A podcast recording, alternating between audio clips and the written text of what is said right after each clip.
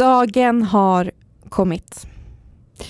Då jag tar en dusch och det är tomt i min Under Your Skin Detox Shampoo flaska. Det tog eh, väldigt många månader men nu har vi kommit till en tom schampoflaska. Men det kommer bli fler schampoflaskor för jag älskar under Your Skin. jag och Angelica satt precis och pratade om så här, ja men tror folk verkligen på att man är ärlig i sådana här äh, prator om samarbeten? Men vi vill understryka att vi verkligen är det. Vi älskar Under Your Skins detox-serie, shampoo, balsam, inpackning, hårolja. Underlivet görs i samarbete med Under Your Skin, ett svenskt hud och hårvårdsmärke med ekologiska, naturliga och veganska produkter. Under Your Skin har en detox-serie som vi har fått testa. Det är ett schampo och ett balsam som ger en hälsosam hårbotten och ett glänsande hår. Det tar ungefär två till tre, ibland sex veckor innan man får fullt resultat och det betyder att på sikt kan du köra fler och fler dagar mellan varje hårtvätt för håret håller sig rent och fräscht längre. Och torrschampo no more. Det här tjänar man massa pengar på. Så tack Under Your Skin och med koden LIVET20 får du 20% rabatt på underyourskin.se. Tack Under Your Skin.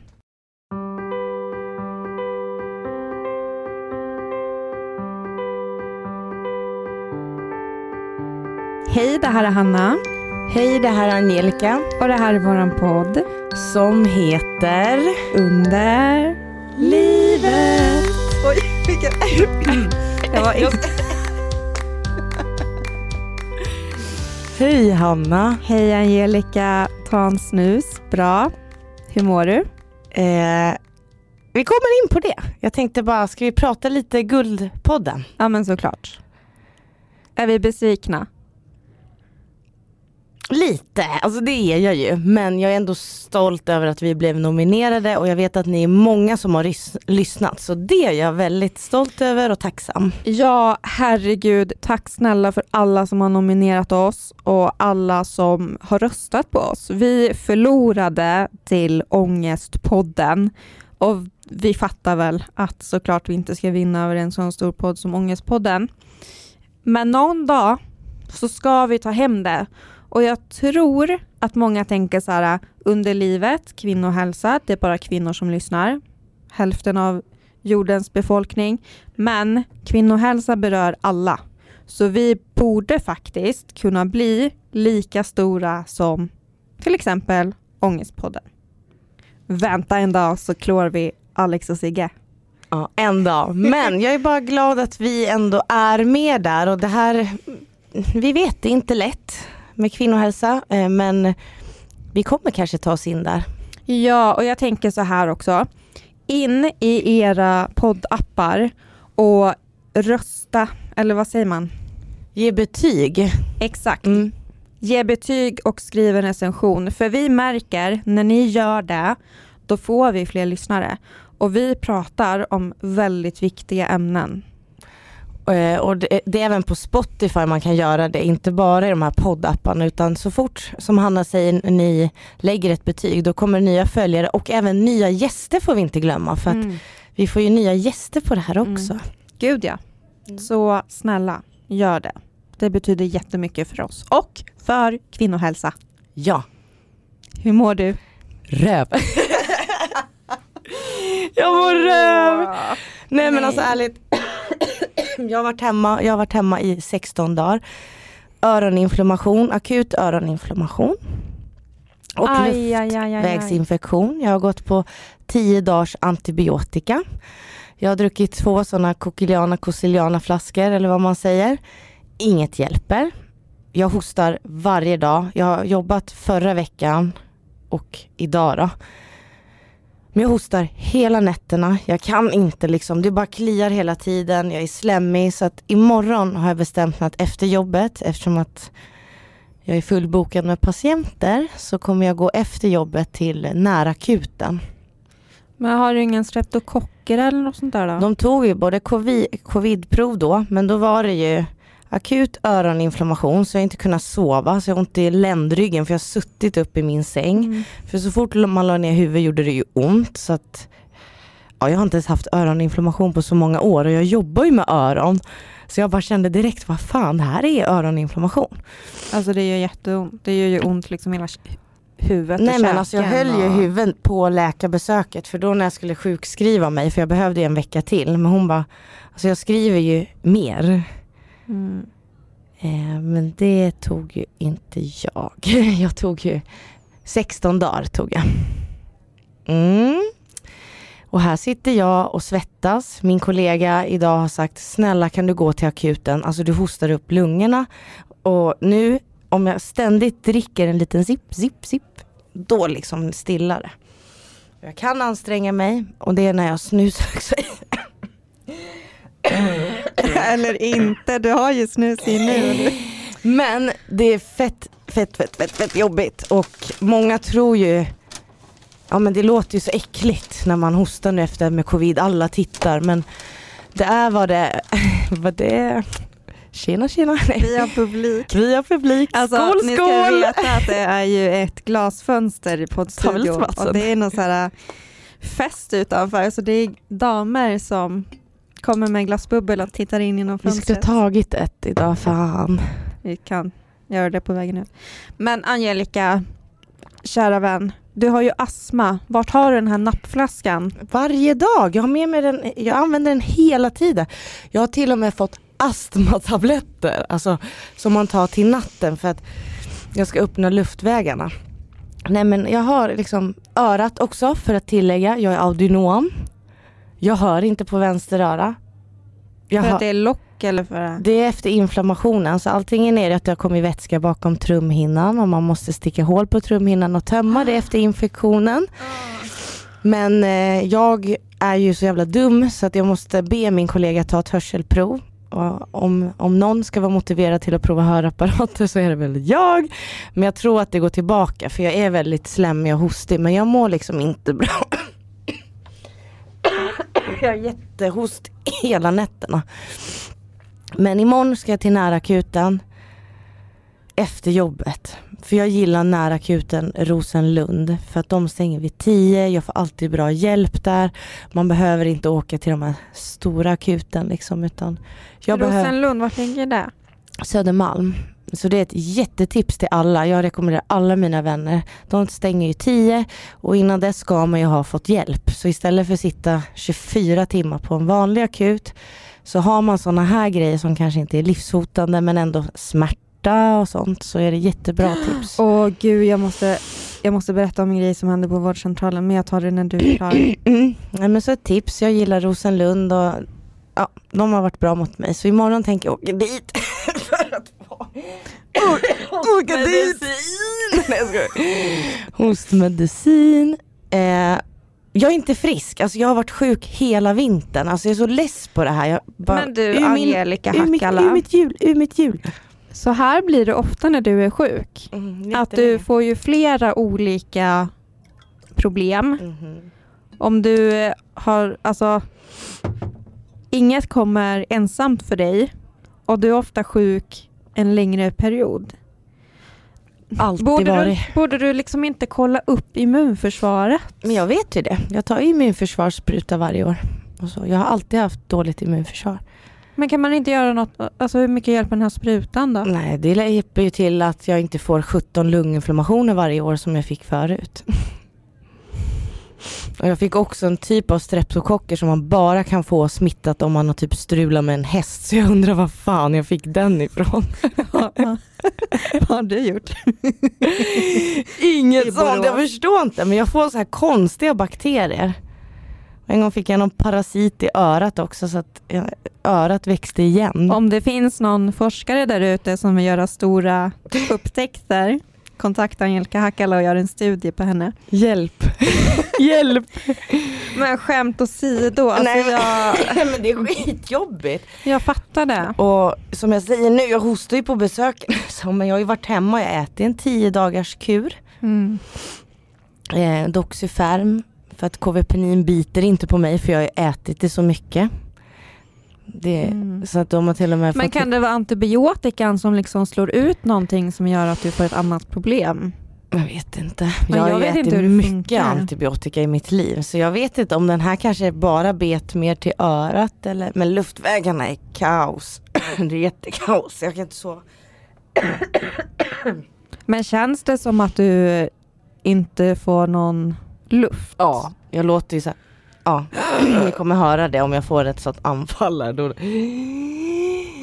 Men jag kan berätta mer om hur det kan låta alldeles strax med det anfallet. Nej jag skojar. Nej Hanna, inget sånt. Men Nej, men- berätta, alltså, oh, Jag bara, alltså Nej, men- Angelica Hackala.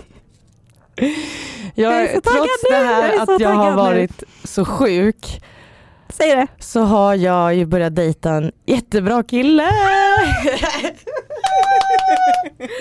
jättebra kille och jag vill berätta hur första dejten och hur det här gick till med tanke på hur jag är less på att dejta och vad jag tycker om det här med appar. Den 5 november. Så det är väldigt nytt. Mm. En söndag var jag hemma vid 10. Det är tidigt för mig för jag är aldrig hemma var rastlös och bara, ja ah, men jag ska kolla Hinge. Och där kan man ju se om folk har likat den. Mm. Och jag går ofta om jag väl har fått en feeling så har jag gått in där. Bara för att kolla om det finns något bra. och då var han en av dem. Så vi började skriva då alltså sent på söndagen. Men vi bytte Instagram direkt för att jag sa redan att, alltså att jag ville byta forum. För att jag vet hur dålig jag är på datingappar och vi bytte till Instagram. Sen 6 november hade jag en pissdag på jobbet. Det var så jävla mycket att göra. Och jag sa till min kollega Svetlana att jag vill dricka tequila idag. Jag vill liksom bara dra och bara ha kul. Så dålig dag att jag ville bara wow. Och då bara, ja hon bara, men jag kan inte dricka vin efter jobbet och det var lite spontant så då tänkte jag så här, fan jag skriver till den här killen. Ja, men inga förväntningar, inga förhoppningar. Bara att vi hade skrivit så här nice. Alltså det var bara en lätt konversation. Så då skrev jag bara jättespontant här, så som jag är. Men har du lust att ta en öl efter jobbet idag? och det hade han. Så han mötte mig efter jobbet och då hade jag redan skrivit då eh, att jag kan ta max två öl för sen ska jag på styrelsemöte. Och nu i efterhand så skrattar jag åt det. Jag bara, alltså hur tråkigaste dejten ever. Hon kan bara ta två öl och ska på ett styrelsemöte. Han bara, åh nej. Men han, han gick dit i alla fall. Och så har jag på mig den här tröjan jag har på mig idag. En vitrandig tröja. Jag tar kort på dig så lägger vi upp det på Instagram. Eh, du kan ta sen, inte det här ljuset tack. Eh, jag ska... Men eh, då i alla fall så när vi såg så var det bara så här lätt. Han pratade i telefon och jag bara direkt, jag bara fortsätt prata, fortsätt prata. det var så skitkonstigt egentligen men det var så lätt. Och sen sa han att det tog typ jag vet inte, jag kommer inte ihåg men jag ska inte säga, ex, eh, kommer inte ihåg exakt men då sa han att ja den här tjejen som drack, skulle dricka två öl och gå på ett styrelsemöte, den tjejen, den bilden försvann ju väldigt snabbt när jag träffade dig. Förutom att du glider upp i en Ash Kirchsteiger tröja. Så nu är det lite charmigt att bli kallad Ernst. Men han hade ju inte heller några förväntningar alls. Och det vart så jäkla bra. Så vi sov ihop första dejten. Men vi gjorde ingenting. Och sen dess har vi hört varje dag. Alltså jag har varit som en tonåring. Vi pratar i telefon för jag har varit sjuk också 16 dagar får ni lägga på här för jag blev sjuk 8 november. Så vi hann ju bara träffas en gång. Men vi har typ pratat i telefon tre timmar om dagen om allt från att jag ska gå och handla isglass till att man lär känna varandra och nu har jag ju varit, alltså situationstecken frisk. Eh, men vi har ju sovit ihop jättemycket nu och umgåtts. Han eh, möter mig på jobbet. Han kom en gång till jobbet för att jag tar mig aldrig därifrån. Han lagar mat. Ja, alltså han får mig att må jättebra. Vi har skitkul ihop. Alltså så himla kul och eh, jag trodde inte det här. Att det fanns. Jag hade typ så här gett upp och jag menar verkligen det för jag gillar inte sättet att dejta via en app. Jag gör inte det. Men den här gången så bara var jag spontan och det blev så himla bra. Och nu vill jag liksom ta en dag i taget. Det känns bra. Jag är jätteglad. Men jag är också super, super trött för man sover ingenting när man nydejtar. Man är uppe och pratar och myser. Eh, Ja. och min endometrios, med tanke på att det är det vi också pratar om här. När gjorde jag det? När tog jag upp det? Ja, jag kanske tog upp det efter en timme. Det bara kom. För att jag fick så ont i mitt ben när vi var ute. Så jag var tvungen att sitta på mitt vänsterben. Så då eh, tog jag upp min endometrios och berättade och då berättade han i efterhand att han hade skrivit upp endometrios i sina anteckningar för att han ville hem och googla sen och Mm. läsa på mer. Nej, han är så fin. Alltså det har inte varit något problem med min endometrios. Om han googlar endometrios, undrar om podden kommer upp då? Det vet jag inte. Nej. Hoppas det. Ja. Hoppas det. Men han har lyssnat på podden nu efterhand. Eh, han har också träffat en av mina bästa vänner, Amelia, i fredags. Mm. Och det mötet har jag ju, alltså det, bara där säger ändå att man blir pirrig när man ska visa upp någon för någon som Amelia som jag älskar mest av allt. ja men det är så viktigt då att de personerna går ihop. Ja. Och att man heller inte behöver vara en sån som styr mellan dem utan att så här, ja, de här de här lirar med varann. Och det är självklart ska man ju alltid, ursäkta hörni om jag har hostat högt. Jag ska försöka tänka på att vända bort. Men det är liksom ändå viktigt för någon man umgås så mycket med. Och jag är ju årets tidsoptimist och sen är jag jättedålig på att ta hand om mig själv. Och Amelia är ju den, hon är den närmsta partner jag haft i sex års tid. Och nu kommer han då och tar ändå mig med storm.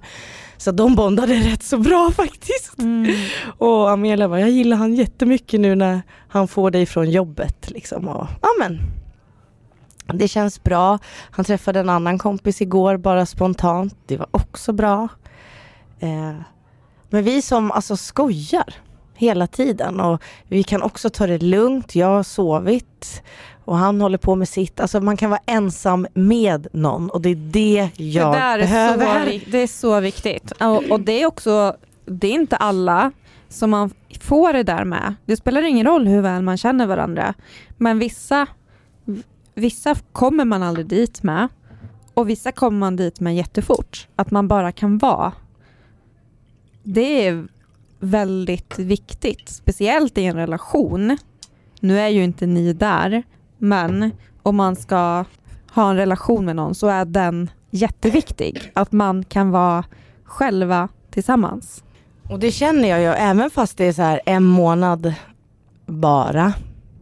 Men det känns på grund av att vi har pratat så mycket även när jag var sjuk. Att man ändå så här, man kan säga att man behöver egen tid. Man behöver ta den där extra långa duschen och det är okej. Eller jag har somnat i soffan nu i helgen för att jag har varit jättetrött. Men man kan ändå vara tillsammans med någon och vara det. Och det, det är ju det jag vill. Samtidigt så är jag också i behov av egen tid och han kväver inte mig. Nej. Även om du kväver dig själv just nu. Ja, och jag- talat. Nej jag skojar. Gud jag måste sluta skoja. Förlåt. Nej men på tal om det. Alltså mina hostattacker hemma hos honom eller mig. Det är ju verkligen astma bara. Så att det är flera som påpekar att jag borde ta, ta tag i min hälsa och tänka mer på mig själv. Men jag är väldigt glad och den här lilla sömnen jag har, det har varit värt det för att jag har skrattat, jag har känt mig omtyckt, jag har känt mig fin. Jag har haft så jäkla kul och jag hoppas verkligen att det fortsätter och det får ni se här i podden. Eh, men idag fick jag en lapp till exempel, att han tycker om mig. Ja, den låg i min jackficka när jag gick till jobbet och det var länge sedan och den ligger här i telefonen nu, den sparar jag. Nej men jag är jätteglad men en dag i taget. Jag är också väldigt svår att få, jag får inte känslor lätt. Aldrig. Och det har vi också pratat om att jag liksom vill visa, om det här med bekräftelse, vi alla är olika. Att bara för att jag inte kanske säger vissa saker, alltså vet du om att jag tycker om att vara med dig? Alltså, vi har ändå kunnat prata om det och bara det tycker jag är väldigt skönt.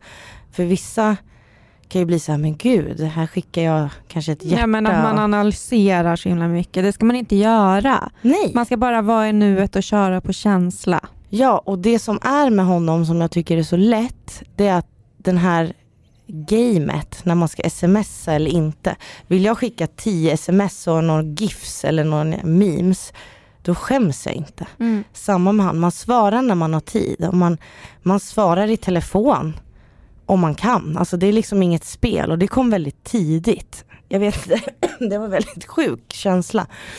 Men eh, en dag i taget i alla fall. Men eh, jag är glad. Jag ser det. Glad och sjuk, men mest glad. Så om jag inte hade varit så glad hade jag kanske gått till läkaren tidigare. Nej men jag, alltså när du visade mig de här lapparna så fick jag tårar i ögonen för att jag tycker att du är så värd det här Angelica. Och jag tycker också att det är väldigt modigt. Fina ni är, ni har sagt så. Mm. Ja men så är det ju.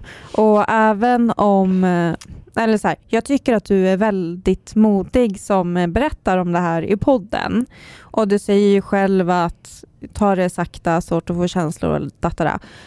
Och det är ju väldigt viktigt att så här, inte tänka så mycket, inte analysera så mycket utan bara så här, nu är det gött och härligt och så kan det få vara. Så behöver man liksom inte tänka så mycket om vad som händer om ett halvår och så vidare. Utan bara njut.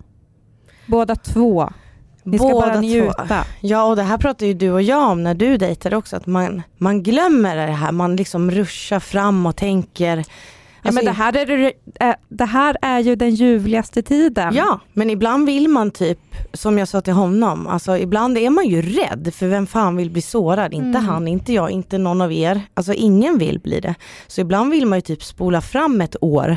Men då missar man ju den här fasen för man har glömt att njuta och det gör Mm. inte jag nu utan jag har varit så tydlig med att jag tycker om honom och vi tar en dag i taget.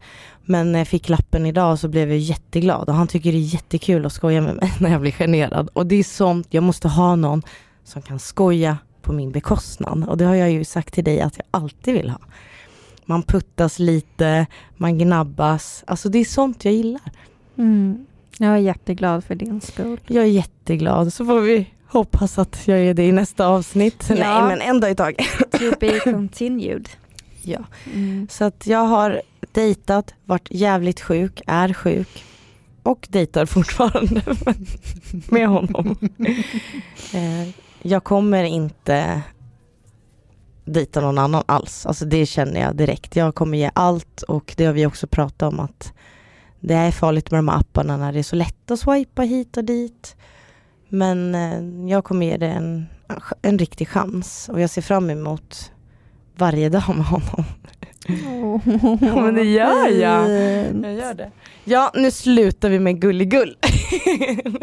men jag är inte gulligullig, men jag behövde ändå ta upp det. här. Du är det Angelica. är inte- Alla är det när vi, Nej. är, när vi gillar någon. Nej, jag är inte det. Och det vet Amelia. Och det vet han om någon.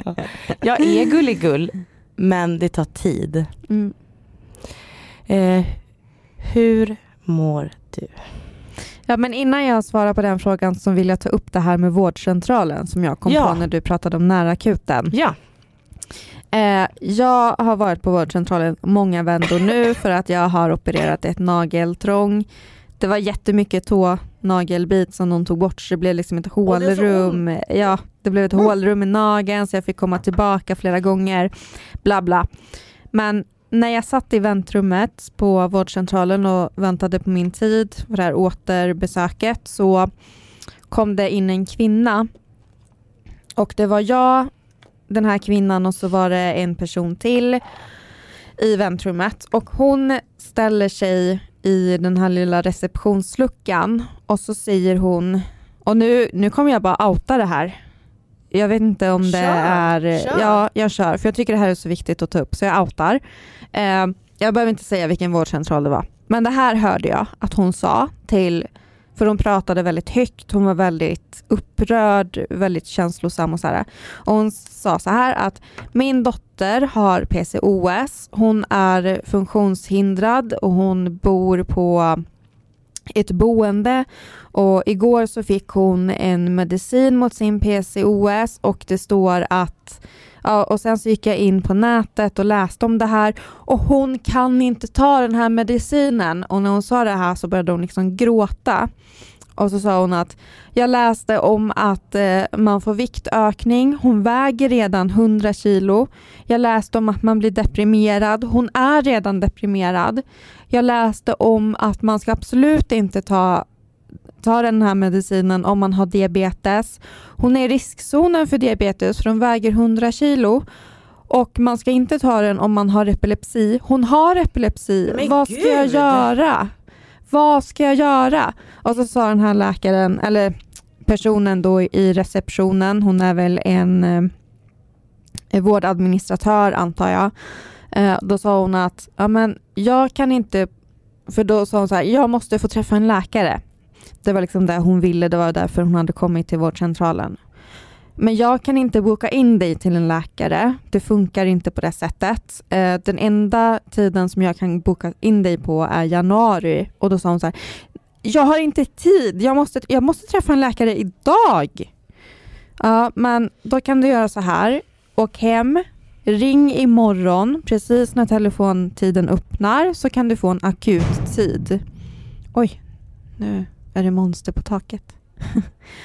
Nej men jag, jag, jag kan inte vänta. Om ni skickar hem mig nu, då går jag hem och tar livet av mig.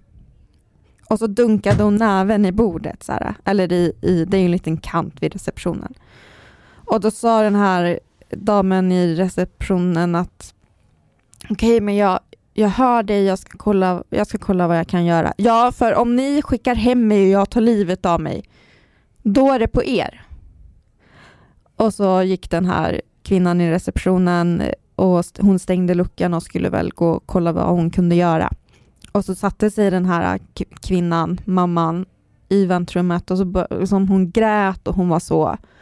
Och det gick fem minuter och det gick åtta minuter och eh, min läkare som jag skulle träffa var sen så att jag satt ju där och hon satt och grät och jag kände så här eh, Alltså jag, jag, nu har jag hört det här och hon är så liksom uppjagad. Hon mår så dåligt. Jag borde, jag borde ha något tips typ från podden. Vi har träffat personer med PCOS. Vi har träffat vård...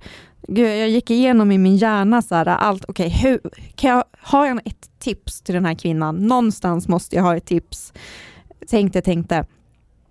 Uh, men jag hittade inget tips i min lilla hjärna. Uh, och till slut tänkte jag, vänta. Eh, Huddinge gynakut, där har jag ju varit ut och in under hösten. Det har aldrig varit någon folk där, man har fått hjälp direkt. Där finns det läkare. Där finns det också psykakut. Så jag gick till den här kvinnan och tänkte så här, okej nu, nu gör jag det, nu gör jag det. För jag var också lite så här, hon var ju så upprörd så jag visste inte riktigt hur... Ja, då kan det ju, alltså, man kan ju bli aggressiv eller något, man vet ju inte alls hur någon reagerar. Nej, precis. Jag gick fram till henne så här jättesakta och så sa jag så här, kan jag få ge dig tips? För då tänkte jag så här, då kan hon säga nej. Jag vill inte, låt mig vara typ. Eh, och så sa hon, ja. Och så sa jag, alltså jag, jag hörde ju såklart och jag har också massa gynekologiska besvär och jag, jag fattar verkligen att du är i en pissig situation och det måste vara jättejobbigt som mamma såklart. Jag sa ju inte att jag själv inte är mamma, men så. Och så sa jag, Huddinge gynakut. Jag har varit där, ut och in. Jag har fått hjälp snabbt. Så om du inte får hjälp här idag, åk dit, prova. Och hon bara, ah, Huddinge gynakut, okej, ja. Ja men vad bra, tack liksom. Um, och så började de prata lite med mig om sin dotter och jag bara, ja jag, jag förstår liksom. Det måste vara jättejobbigt. Så för dig också. Um, och så backade jag och så var det min tur till läkaren och så, så var hon borta när jag kom ut igen. Men det där drabbade mig så mycket liksom. Ehm, så jag ville bara berätta om det här. Men nu ska jag svara på hur jag mår. Och jag mår piss. Eh, det har ju hänt en väldigt stor grej i mitt liv. Jag är väldigt chockad. Min familj är väldigt chockad. Och eh, historien är väldigt komplex. Det är så att min mormor för ett år sedan fick en cancerdiagnos. Cancer i bukspottkörteln. Och eh, min mormor och morfar är inte gamla. Morfar är 81 och mormor är 70, 77 tror jag. Eh, så att vi, och de bor fortfarande i egen lägenhet, har bil och liksom eh, fysiskt aktiva och, och pigga liksom. Och det såg länge ut som att mormor skulle vinna över sjukdomen. Eh, men tidigare i höstas så fick vi veta att eh, hon inte kommer göra det och att hon har inte så lång tid kvar att leva. Och mormor och morfar är, de är väldigt centrala i våran släkt. Mamma har två systrar och vi är ganska många kusiner. Och mormor och morfar de har varit de här äh, helt fantastiska morföräldrarna som alltid har funnits där för varje barnbarn och varje barn och varje barnbarns barn. Um, så att de har ju på något vis varit väldigt odödliga för de har alltid funnits där och alltid hjälpt till och um, personer som man har haft en egen relation med. Det har inte varit typ liksom, i relation till mamma utan jag har haft mina egna relationer till mormor och morfar och så vidare. Um, och uh, mormor blev snabbt väldigt dålig och eh, vi förstod att hon kommer säkert inte klara sig till mitt och Patriks bröllop som är första juni. Vilket hon har sett fram emot jättemycket och pratat väldigt mycket om. Så jag och Patrik för tre veckor sedan åkte faktiskt till Karlstad där min familj bor och eh, hade ett litet minibröllop.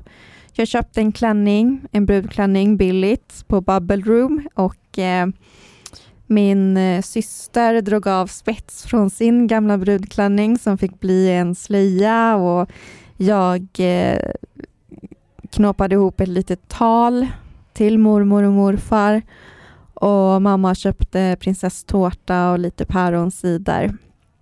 Så vi åkte dit i de här brudkläd eller bröllopskläderna till mormor och morfar och hade en liten. Vad fint! Det var så fint. Och eh, inför det här så hade jag också lämnat in en gammal VHS-rulle eh, som jag hade fått över till USB, så att vi stoppade in det i tvn som mormor hade vid sängen, för hon var ju helt sängliggandes.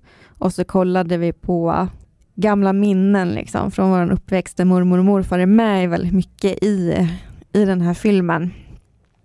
Och vi, jag höll det här talet. Det var faktiskt nära på att jag inte gjorde det, för jag var lite så här, ska jag verkligen? Men det blir så stelt, typ. Men så gjorde jag det och eh, jag har faktiskt aldrig sett min morfar gråta. Men när talet var slut så grät han så mycket att han var tvungen att liksom, han lämnade rummet.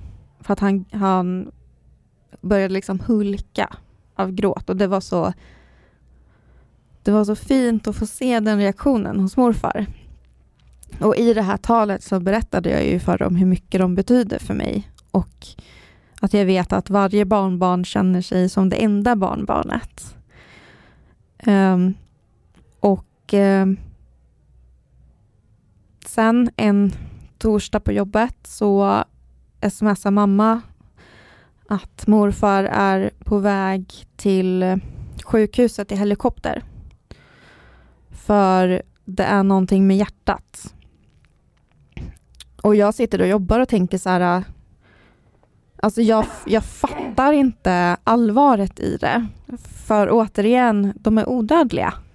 Även om mormor ligger för döden så det finns inte i, i ens värld. Och sen kort därefter så ringer mamma och har panik. Hon gråter och det enda hon säger är att morfar är död. Och det bara svartnar för mig. Jag, jag liksom bara säger så här, nej, nej, nej, nej, nej, nej, nej, nej, nej.